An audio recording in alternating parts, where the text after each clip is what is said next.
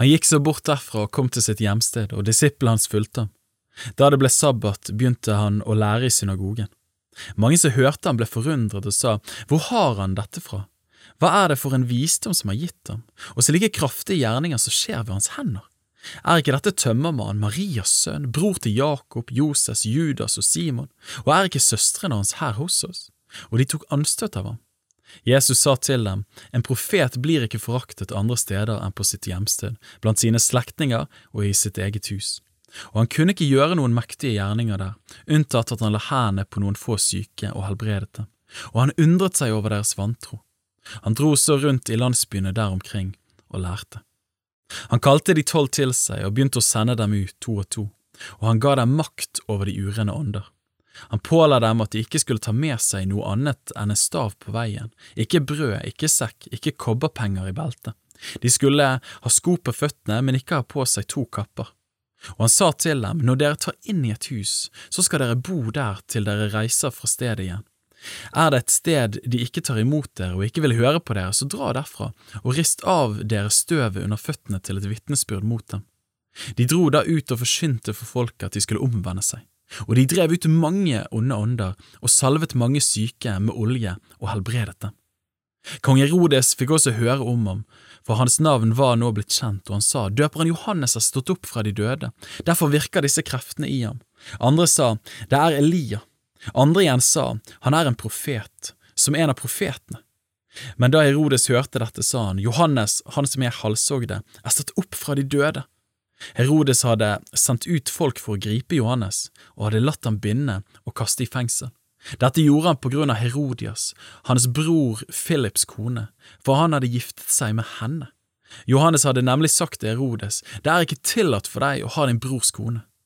Herodias hadde da lagt Johannes for hat og søkte å få ham drept, men hun kunne ikke få satt det igjennom, for Herodes var redd for Johannes, da han visste at han var en rettferdig og hellig mann og han holdt sin hånd over ham. Når han hørte på han, kom han i tvil om mangt og meget, men han hørte ham gjerne. Så kom det en laglig dag.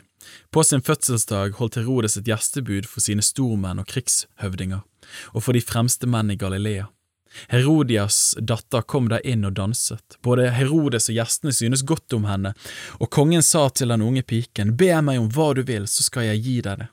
Han sverget på det og sa til henne, Hva du ber meg om, det skal jeg gi deg, om det så er halvdelen av riket mitt. Hun gikk da ut og spurte sin mor, Hva skal jeg be om? Hun svarte, Om døperen Johannes hode. Straks skyndte hun seg inn til kongen, og hun ba ham og sa, Jeg vil at du nå med en gang skal gi meg døperen Johannes hode på et fat. Der ble kongen meget sørgmodig, men på grunn av sine eder og av hensyn til gjestene ville han ikke avvise henne. Kongen sendte da straks av sted en av livvakten med ordre om å hente hans hode. Han gikk da av sted og halshogde ham i fengselet. Han bar så inn hodet på et fat og ga det til piken, og piken ga det til sin mor. Da disiplene hans fikk høre dette, kom de og hentet hans legeme og la det i en grav. Apostlene samlet seg igjen hos Jesus og fortalte ham alt det de hadde gjort og hva de hadde lært folket. Han sier da til dem, Kom med til et øde sted hvor vi kan være for oss selv, og hvil dere litt.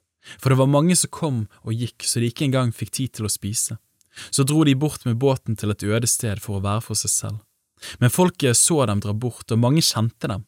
Fra alle byene kom de nå løpende til fots, og de nådde fram før dem.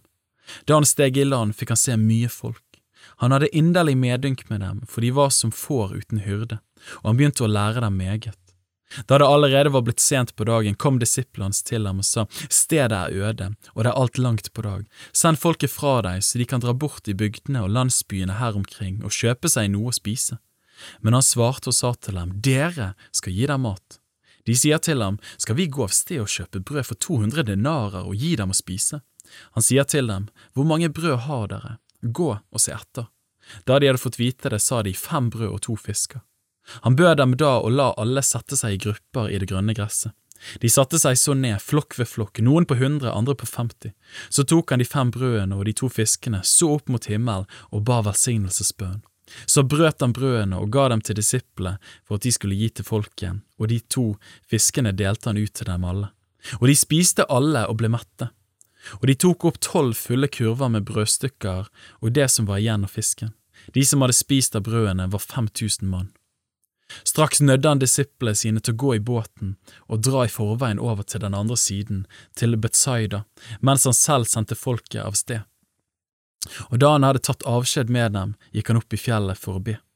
Da kvelden kom, var båten midt ute på sjøen, og han var alene på land. Han så at de slet hardt med å ro, for de hadde veden imot. I den fjerde nattevakt kom han til dem vandrende på sjøen, og ville gå forbi dem. Men da de fikk se ham der han gikk på sjøen, trodde de at det var et spøkelse, og satte i et skrik, for de så ham alle og ble slått av skrekk. Men straks talte han til dem og sa, Vær frimodige, det er meg, frykt ikke. Han steg da opp i båten til dem, og stormen stilnet, men de var helt ute av seg av forundring, for de hadde ikke fått forstand av det som var skjedd med brødene, men deres hjerte var forherdet. Da de hadde krysset sjøen, la de til ved Genesaretlandet og fortøyde der, og da de steg ut av båten, ble han straks gjenkjent. Folk løp omkring i hele nabolaget og begynte å bære de syke i bårene deres dit hvor de hørte at Jesus var. Hvor han kom til landsbyer, byer eller bygder, la de sine syke ut på torgene. De ba ham at de måtte få røre, om så bare ved minnedusken på kappen hans, og alle som rørte ved ham, ble helbredet.